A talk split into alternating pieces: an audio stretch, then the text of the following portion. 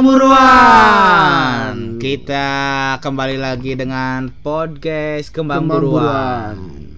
Masih bersama saya Eko. Saya Uton. Oke. Kok nggak enak kenalin namanya?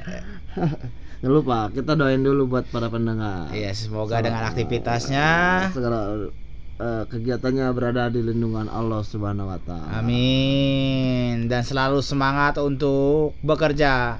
Jangan lupa keluarga, sahabat dan pacar. kita nggak nyanyi helm proyek gitu. Kayak dokumen. Saya yang warna kuning, Oh gitu. Iya. Saya yang warna merah. merah. Yang warna putih siapa? Jadi kebayang dong, orangnya hitam, helmnya merah. Tapi kayak yang kebayang lagi orangnya hitam, helmnya putih. Iya kan? Ya, para pendengar podcast Halo Kembang Buruan, kali ini kita kembali lagi berdua seperti biasa Iya. sama Mang Uton. Ngebacun lagi. Ngebacun lagi, bercerita lagi, Iya. ngopi lagi, Ngopi lagi, ketawa ketawa lagi. Karena halo kembang buruan, berbagi kopi, berbagi cerita dan, Dan berbagi ketawa. tawa. Ngomong-ngomong, kita ngobrol apa Pak? Kalau kali ini kita ngobrolnya tentang petualang. Petualangan lagi. Oke, siap. Petualangan lagi emang udah.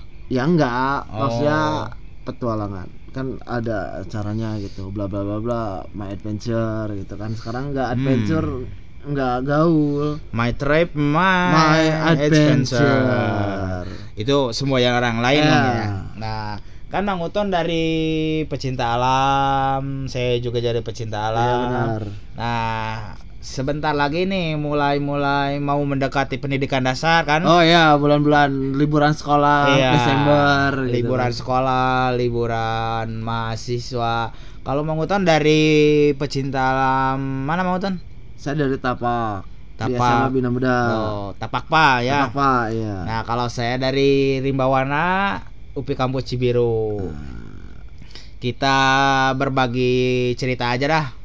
Jadi Nah. gimana persiapan-persiapan untuk apa namanya? Eh, Pendidikan dasar. Ya, pendidikan dasar. kalau di saya sih baru kemarin hari Sabtu baru selesai musyawarah besar Hmm. biasa ada perubahan-perubahan di ADART. ADART sama di GBHO dan GBHPK. Hmm. Kalau di Rimbawana sih kemarin baru oh besok besok Sabtu besok mau pembukaan pradiklat. Pra pradiklat. Kalau kita pradiklatnya udah mulai. Oh udah mulai. Udah, udah mau masuk seleksi. Hmm. Nah, Gimana aja sih Mang kalau mau ikut pecinta alam kayak gitu? janganlah. Oh, jangan. Capek. Capek. Proses yang panjang. Uh. Sepanjang jalan kenangan. Ah. Yang kayak gitu juga, Pak. Oh enggak. Nggak, maksudnya panjang tuh prosesnya dari mulai daftar, Hmm. Kemudian daftar mau ke jadi calon anggota aja udah diseleksi dulu administrasi dan segala macam.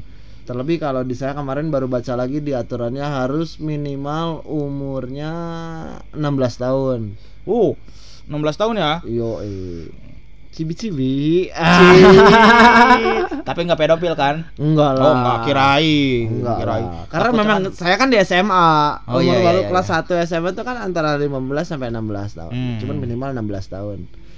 Oh, jadi ikut pecinta alam panitianya juga memperhatikan dari Segi umur. Segi Karena kan umur. ada ada faktor psikologis. hmm, faktor perkembangan perkembangan siswa ya. Itu itu bertahapnya panjang. Hmm. Kemudian setelah administrasi masuk ke pradiksar, Hmm? biasanya pembekalan materi-materi lapangan kayak navigasi, survival, Iya iya iya. climbing dan segala macam lah.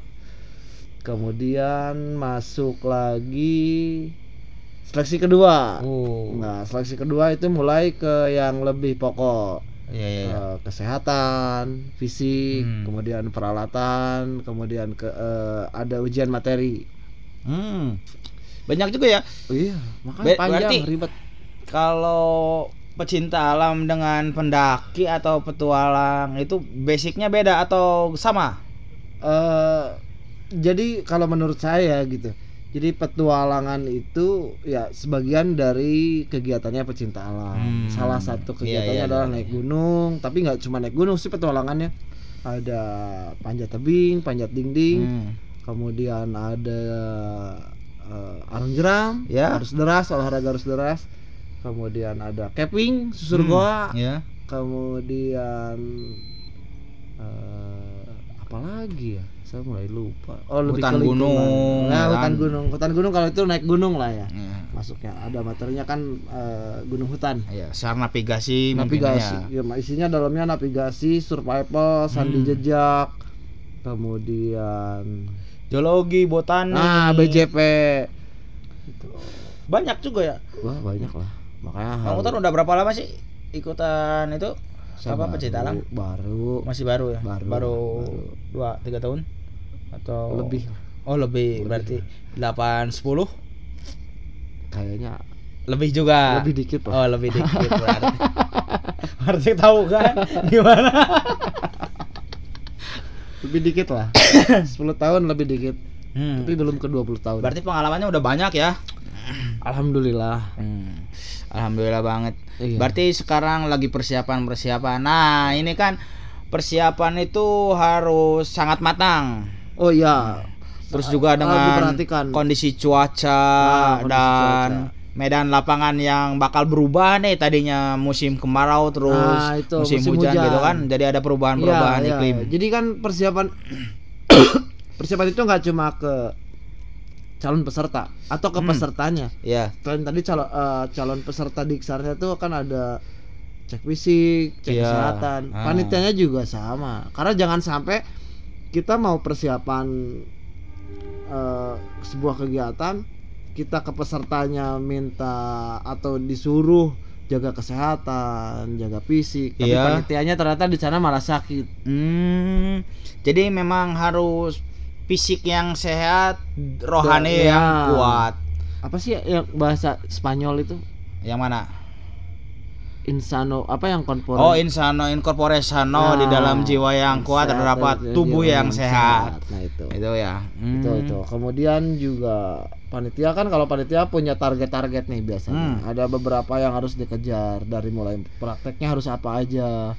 Kemudian juga eh, secara mentalnya apa yang mau ditanamkan. Hmm. Biasanya ada empat kemandirian, kebersamaan, loyalitas dan Disiplin. disiplin satu lagi itu. Mandiri kalau di saya lima. Nah, Itu. Lebih Jadi- mandiri berarti ya. Emang umur-umur perkembangan siswa umur 15, 16, 17 Oh, tahun itu butuh, kan. butuh PR, butuh PR Hmm. banget. Butuh orang-orang yang memang tahan Mumpuni banting gitu lah. ya. Orang-orang tahan banting lah buat Iya, ngurus iya. mereka.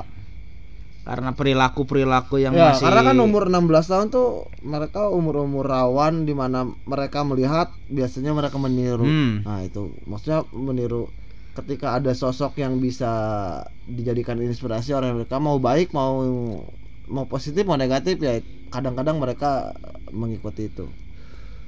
Makanya kita berarti ribet banget ya. Berarti nggak usah ikutan ya. ya nggak usah ikutan lah Keluar naik aja. gunung lah Mau. kalau kalau cuma mau naik gunung ya udah kita tinggal cari informasi lokasi gunungnya di mana transportasinya pakai apa berapa ongkosnya berapa lama perjalanannya udah berangkat Hmm, kalau cuma buat naik gunung kita kan nggak ya. ngajarin itu Simpel banget. iya kan ada manajemen perjalanan Iya, ada iya, sosmed iya, iya. itu banyak Nah kalau yang belum tahu gimana? Coba. Misalnya Om Firman mau hiking ceritanya. Ah, hi- hiking Hiking, hikingnya ke Baghdad. ke Baghdad Baghdad ada gunung emang nggak ada gunung di Baghdad Oh, nggak ada. adanya Jabal Oh Jabal. Sama aja. Jadi kalau ada orang salah Gunung Jabal Kop. Nggak, oh, Jadi Jabal. gunung gunung, Gunung, Kop. gunung. Aduh, bisa aja nih nih.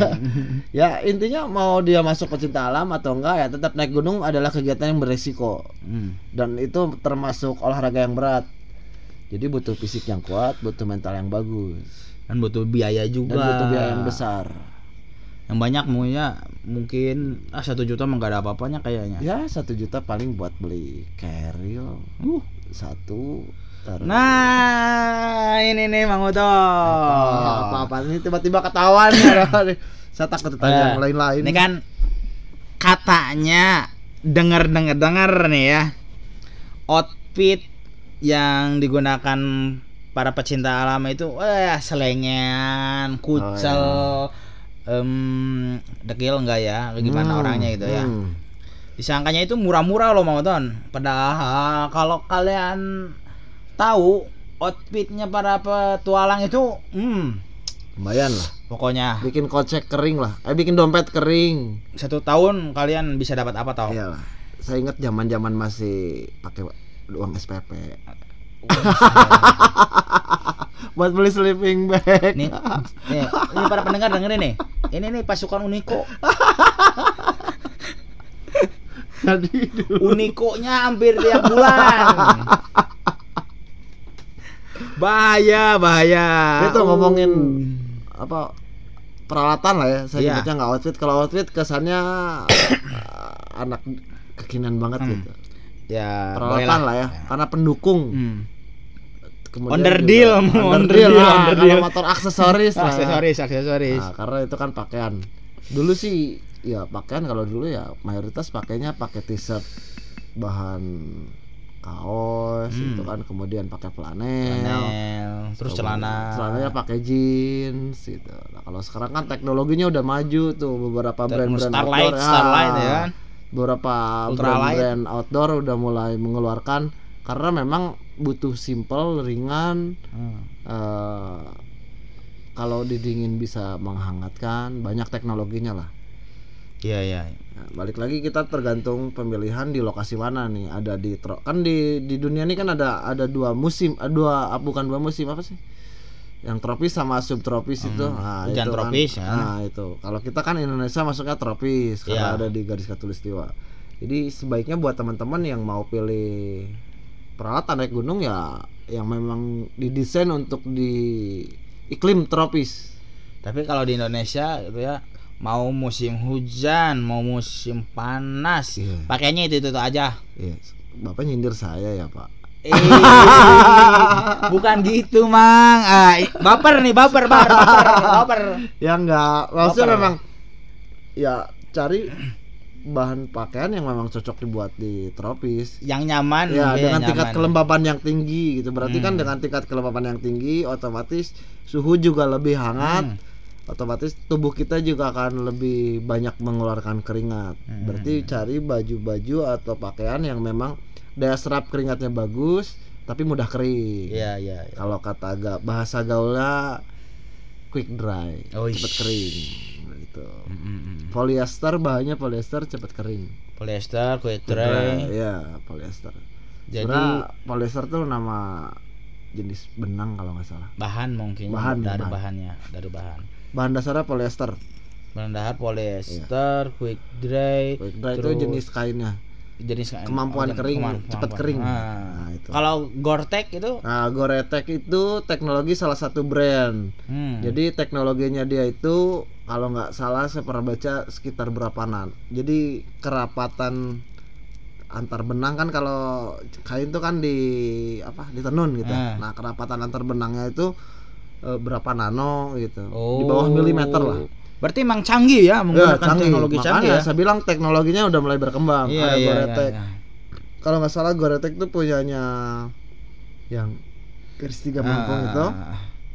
Kemudian ada Texapor, Iya. ada Omnitech. Kalau Texapor itu punyanya yang Iya, iya. iya. Serigala Hmm. itu. Kemudian ada Omnitech tuh punyanya Anuan lah.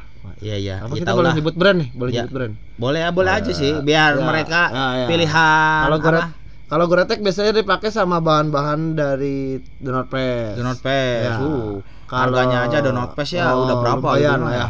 Kalau Texapor itu bahannya dipakai sama eh, apa? Jack Wolfskin. Hmm, Jack kebanyakan jaketnya bahannya Texapor karena memang dia di subtropis kebanyakan Hmm. peralatan yang dia buat. Kemudian ada lagi Omnitech. Kalau Hmm. Omnitech itu punyanya Columbia. Oh, Columbia. Ya, kemudian ada lagi G1000 eh G100 apa G1000 ya? Di seribu. G1000 itu punyanya Fijarevan. Hmm. Harganya loh. Iya, you know lah. bikin Kita, kita, kita udah bikin kita ngelus dada lah harganya. Masa harga celana sampai dua ya segitu ya. Buat naik gunung lagi.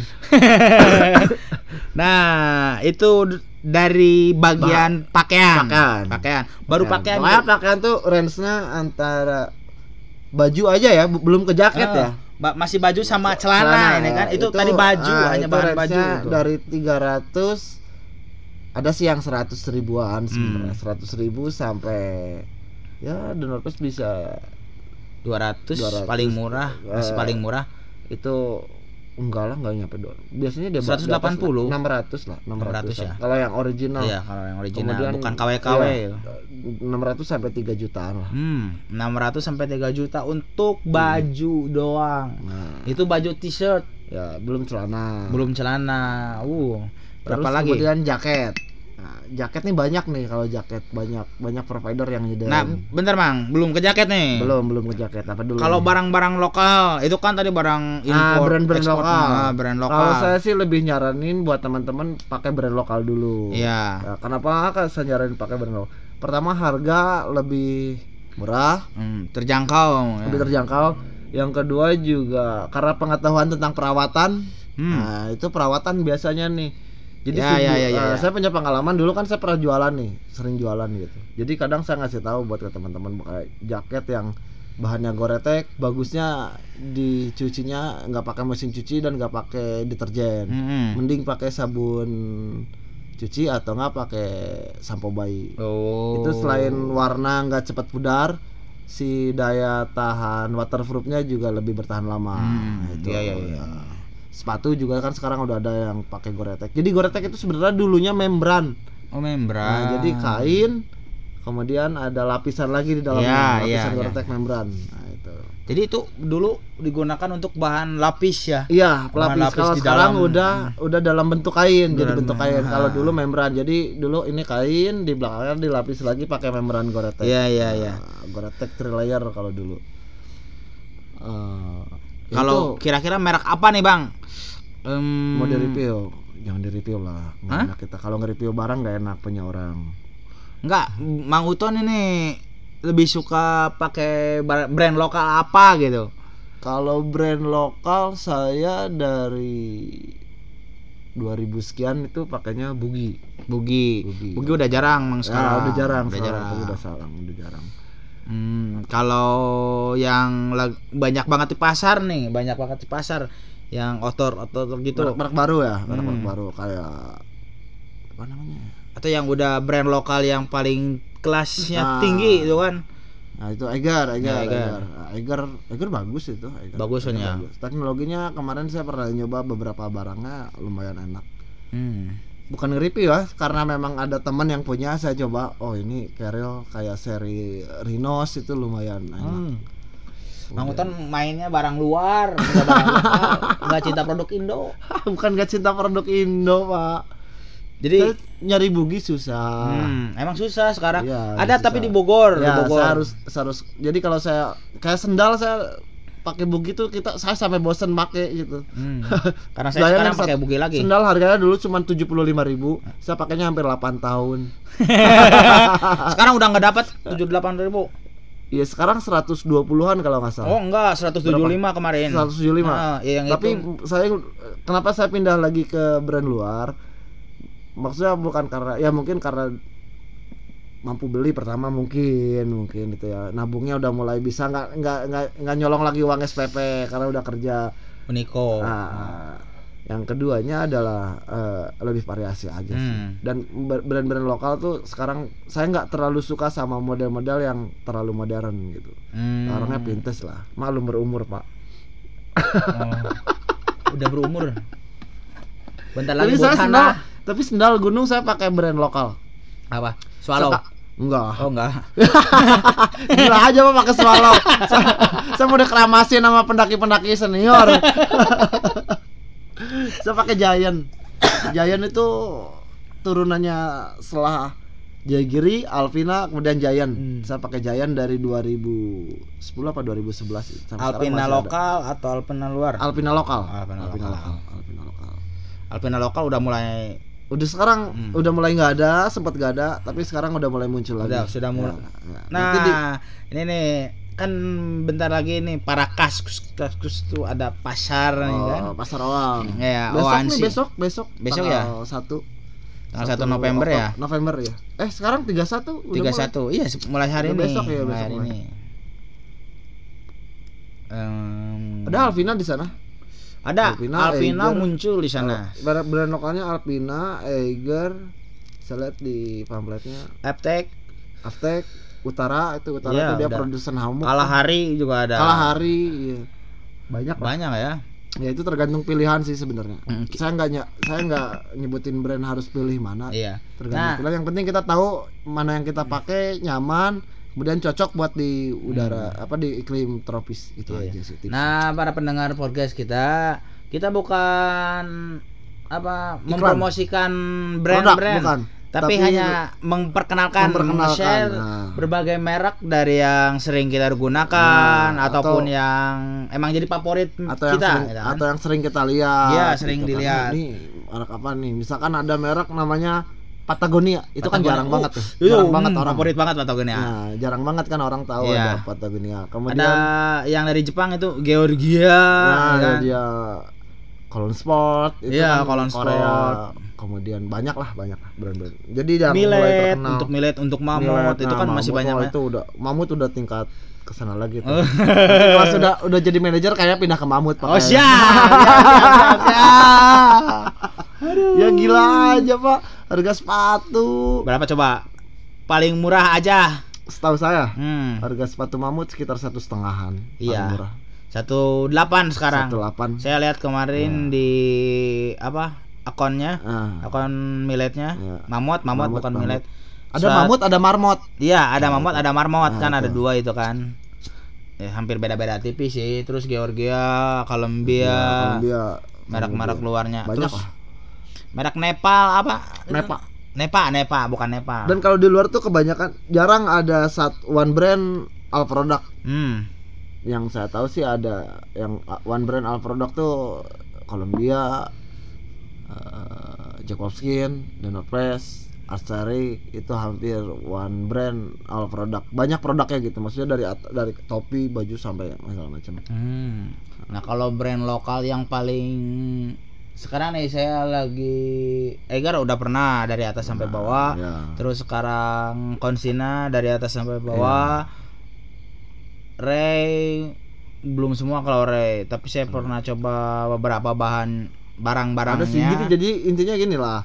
Tiap merek dia pasti punya produk-produk unggulan Hmm, intinya. Nah, tinggal kita Memang, tahu memang. aja mana produk yang unggulannya. Misalkan eh, setahu saya Eiger dari dulu memang terkenal sendal sama tas. gitu Iya, kan. kebanyakan. Nah, ya, Kebanyakan kemudian Bugi dulu jagonya main air. main air. Gitu Sampai kan. sekarang masih main jago Iya. main air. Dia kan udah bikin perahu. Iya. Kemudian sendal-sendalnya memang kuat lemnya. Emang. Bayangin aja pas saya 8 tahun lemnya nggak ngelupas.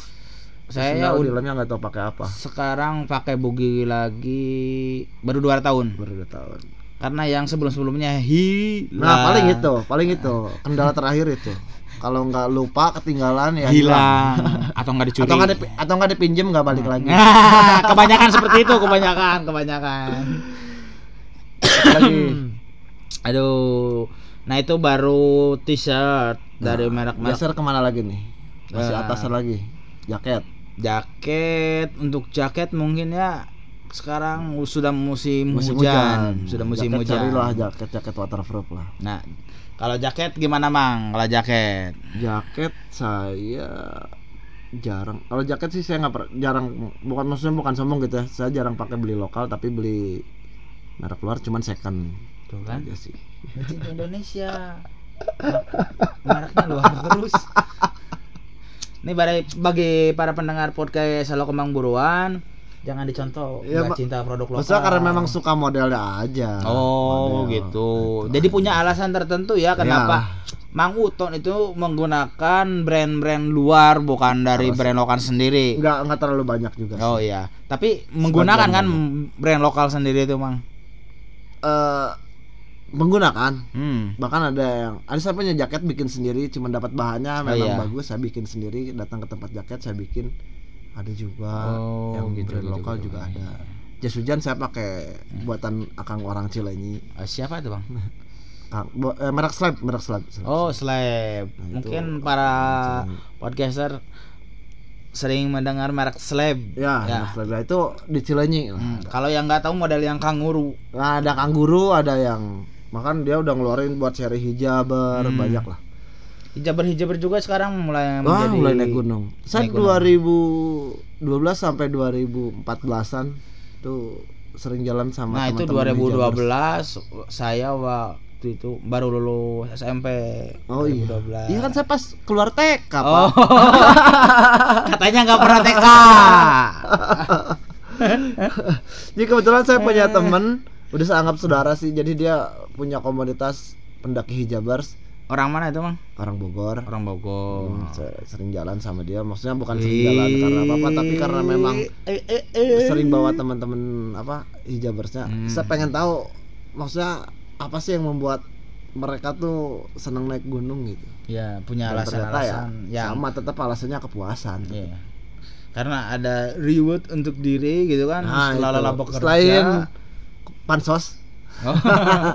ya Pansos. mungkin sebagian ya itu sekarang motivasi naik gunung ada macam-macam pak kalau kita kan Apa? dulu kadang ada tugas Iya. dari organisasi atau dari senior gitu sebagai penempuhan dan segala. Iya, Nah, sekarang iya, iya. motivasinya macam-macam ada yang cari jodoh ada yang pansos ada yang bla bla bla. bla bla bla gitu lah kebutuhan Banyak banget ya. konten dan segala macam terlebih sekarang kan YouTube dan segala macam itu udah bisa menghasilkan buat Jadi kalau jas hujan itu Mang Uton kurang banyak menggunakan ya. Mungkin sering menggunakan mobil untuk berkendaranya jadi hujan. Beda. Enggak, beda. tapi saya punya kok jas hujan. Oh, punya, punya. Saya punya jas hujan. Maksudnya jas hujan itu awet banget. Saya pakai merek itu sekitar lah ya. tiga tahunan lah, iya. Hmm, hmm, hmm. Dan itu tergantung perawatan. Iya, iya. Biasanya sih perawatan yang paling orang banyak lupakan adalah ketika habis hujan-hujanan itu langsung dilipat. Iya. Nah, Dari jemur dulu ya. ah, pada nggak sebenarnya nggak langsung dijemur juga nggak apa-apa. Minimal di angin-angin lah. Hmm. Tapi sebelumnya dibersihin dulu pakai air dari keran, dari sumur gitu. Hmm. Karena kan kalau air hujan itu tingkat asamnya tinggi. Iya, nah, iya, itu emang. ngerusak banget ke kain sama ke waterproofnya, lapisan Oh. waterproofnya. Itu aja Nah, tipsnya gitu sih. para pendengar podcast Kembang Buruan. Jadi setelah menggunakan jas hujan Ya, habis hujan-hujanan harus dibersihkan terlebih dahulu Ah. agar lebih awet Ah, dan si waterproofnya itu lebih, Lebih tahan bertahan lama, lama, iya. lebih tahan lama. Sama kan kemudian kalau pakai jas hujan itu kan karena bahannya di kita bukan gor. Kalau di luar negeri kan nggak ada jas hujan. Jenis-jenis raincoat yang Hmm, kanguru kayak iya, gitu iya, itu iya, jarang. Mereka pakainya udah kayak jaket aja. Iya emang. Nah, jadi kan itu karena bukan bahannya bukan bahan yang bagus kayak dengan Hmm. harga segitu lah ya maksudnya. Nah, bentar dulu, Bang. Nah, kalau ini nih, Bang ya, ini kalau yang kresek itu gimana, Bang? Nah, yang yang kresek itu paling aman. Oh, paling aman. paling ya? aman itu. Paling aman. Kemungkinan tembusnya kecil. Oh. Karena memang udah dari bahan plastik Iya, udah ya. gitu murah lagi Oh, kan. Murah. murah Sepuluh- dibeli. Kalau salah harganya sepuluh ribu apa lima belas ribu gitu. Ada yang 10, ada yang 15. Tergantung penjualnya lah. Iya, tergantung penjualnya yang mengambil untung. itu itu, saya berluas pernah ya. motor main motor-motoran sama temen dari Hmm. Malang pulang ke dari arah Pal dari sini dari Bandung ke Bromo pulang dari jadi dari Bromo sampai ke Mana? Blitar tuh hujan Iya. Terus dari jam 5 sore sampai jam 11 malam Hmm? dan jas hujan jas hujan biasa tuh nggak mungkin tahan lah selama Iya. 4 jam hujan-hujanan full akhirnya saya mampir tuh ke ba- abang-abang yang jualan kresek itu Iya, saya beli itu dan alhamdulillah nggak kuat. hujan-hujanan sampai jam 11 malam masih kering Oh. karena ada bantuan kresek terima kasih Kresek. intinya otaknya harus jalan Iya, benar. ya kebayang kita motor-motoran 5 jam lebih kan Hmm, hmm, kalau cuma pakai jas hujan ya udah repot lah Iya sih repot udah pasti banget. tembus lah Iya, itu pasti, nggak ada pasti, jas hujan pasti. yang nggak tembus Bener banget, Mang. Nah, itu tips untuk berkendara menggunakan jas hujan, cara perawatannya. Ah, Terus tadi cara merawat pakaian-pakaian Hmm, waterproof. waterproof. kecuali kalau kita pakai waterproofnya yang pijarepan Hmm. kalau pijarepan dia waterproofnya bisa di recycle diulang. Bukan di recycle apa namanya? Jadi kalau udah nggak waterproof Ya. dia jual ada waxnya khusus Oh, lilin ada khusus, itu underdealnya tinggal- mungkin ya, ah, ada dia tinggal digosok kemudian dipanasin dikit Iya, iya, waterproofnya normal lagi. Pejarepan. cuman harga harga lilinnya lumayan Ya, pejarepan kanken yang ada badaknya. bukan badak Oh, itu apa itu? Gambar apa itu? fox Oh, sipok tuh, pok. eh, rubah rubah rubah. Hmm, kirain Berubah. kirain saya itu badak. Bukan. Yang ada badak. Itu mulai ke jaket, celana. Hmm, begitu ya. Kalau celana, sih Celana. saya pakai yang biasa aja. Nah, ini kan tadi hujan, terus banyak juga yang pengguna roda dua yang pulang kerja, terus tas yang memang nyaman itu bagaimana terus cara biar apa Ah. si hujan itu tidak masuk ke dalam Kalau tas Pemilihan. yang paling nyaman adalah yang pas di punggung. Mau Hmm. merek apa pun, kalau nggak pas di punggung, torsonya nggak pas, pasti nggak nyaman. oh Makanya, Jadi, yang kayak gimana mang kira-kira mang setahu saya ada beberapa brand dari luar yang dari lokal dulu mang yang dari lokal, lokal. lah. eh, ada yang sudah pakai back sistemnya udah pakai jaring, ya jadi air sistemnya udah enak lah nyaman. Hmm. Jadi kita nggak kegerahan tuh nggak panas. Kemudian eh, ada yang belakangnya masih pakai busa, kemudian Iya. ada juga yang udah pakai jaring. Kalau yang enak sih sebenarnya kalau yang menurut saya yang pakai busa. Kalau menurut busa. saya, menurut saya lebih enak pakai busa. mau merek apa pun Mau merek ya? apa pun Hmm. pakai busa. jadi tergantung selera Bukan pakai busa, untuk- jadi yang Hmm. bukan kan ada yang sistem frame tuh. ya sistem ya frame frame melengkung kayak besi Iya. gitu kan melengkung nah itu eh rugi bukan ruginya sih kekurangannya itu buat saya gitu itu torsonya nggak bisa diatur Hmm. jadi kita harus ngikutin torso pabrik ya misalkan merek Osprey itu kan eh, dia bentuknya masih nempel kayak busa Hmm. walaupun dia pakai frame tapi framenya itu lentur jadi ke satu arah Hmm, bisa Kayak- mengikuti kayak- gerak tubuh ah, berarti kayak ya. kayak jari kita lah jadi Iya, cuma iya, bisa iya, ke iya, depan iya. melengkung ke belakang enggak jadi begitu dipakai kayak kita ditemplok dari belakang oh iya iya. kemudian yang jaring juga ada yang enak merek eh Deter saya pernah pakai enak juga yang Deter. ya yang jaring yang lokalnya Eiger juga ada banyak kalau Eiger kan udah nggak ada yang ngeluarin dia ada yang spons ada yang jaring ya Hmm. itu tergantung pilihan sih sebenarnya iya iya buat ke mana dan buat apa berarti banyak banget ya iya Hmm. Nah, mungkin untuk kali ini Cukup sampai dulu. baru sampai tas Diepack. diepack. tas lah ya Ya tas. Kalau ini untuk pencarian di apa? Online shop bisa diepack, tas kerja atau tas Nah, punggung untuk pencarian-pencarian yang malas untuk It- berkunjung ke outlet ya. iya cuman biasakan baca deskripsi kalau belanja online Ya, baca deskripsi apa bahannya, terus Ya. kalau emang bahan yang seperti apa kita searching dulu ke Ya, Google. itu bahan kan bahan tasnya banyak tuh ada Cordura ada apalah banyak ya jangan jangan sampai si pembeli itu menyalahkan si penjual Nah, karena tidak sesuai nah, dengan ekspektasi. Kemudian gini aja kalau tips buat belanja online, jangan malu kita buat nanya Iya. ke penjual. Tanya sedetail mungkin. Dia pasti jawab kok. Kalau dia Hmm. penjual memang udah pemain lama, dia pasti jawab kok. Dan jangan takut karena kita ah kita cuma mau nanya aja. Takutnya nggak apa-apa, nggak apa-apa. Sebenarnya Nah, biasanya pedagang iya, tuh iya. justru seneng ketika ada si konsumen yang nanya. Dan Untuk- pedagangnya biasanya berbagi.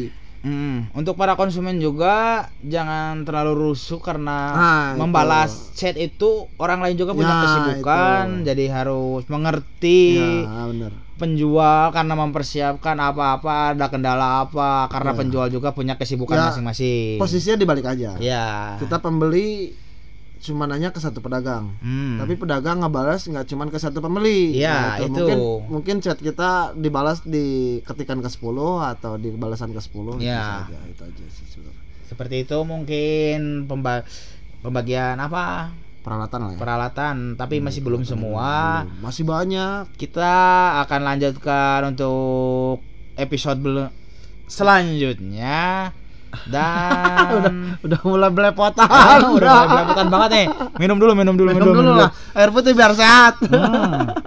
Air putih aja mang, jangan kopi terus. Mang Uton kopi terus. Cukup sekian untuk hari ini. Terima kasih telah mendengarkan podcast Halo Kembang Buruan dan saya selalu ditemani oleh Mang Uton. Ya. Untuk ke depannya kita akan mengundang narasumber-narasumber yang memang akan membagikan ceritanya atau inspirasi yang lebih menarik Nah, lagi. itu benar. Cukup sekian dari saya Eko dan Saya Uton. Oke, terima Terima kasih kasih. sudah mendengarkan podcast Kembang Buruan. Jangan lupa Follow Instagram @kembangburuan.tamanbaca. Follow juga Spotify TBM Kembang Kembang Buruan, Buruan, Halo Kembang Buruan, Kemudian- YouTube apa sih? TBM Kembang TBM Kembang Buruan. Like, subscribe Dan dan komen, komen. share juga jangan lupa terus nyalain loncengnya.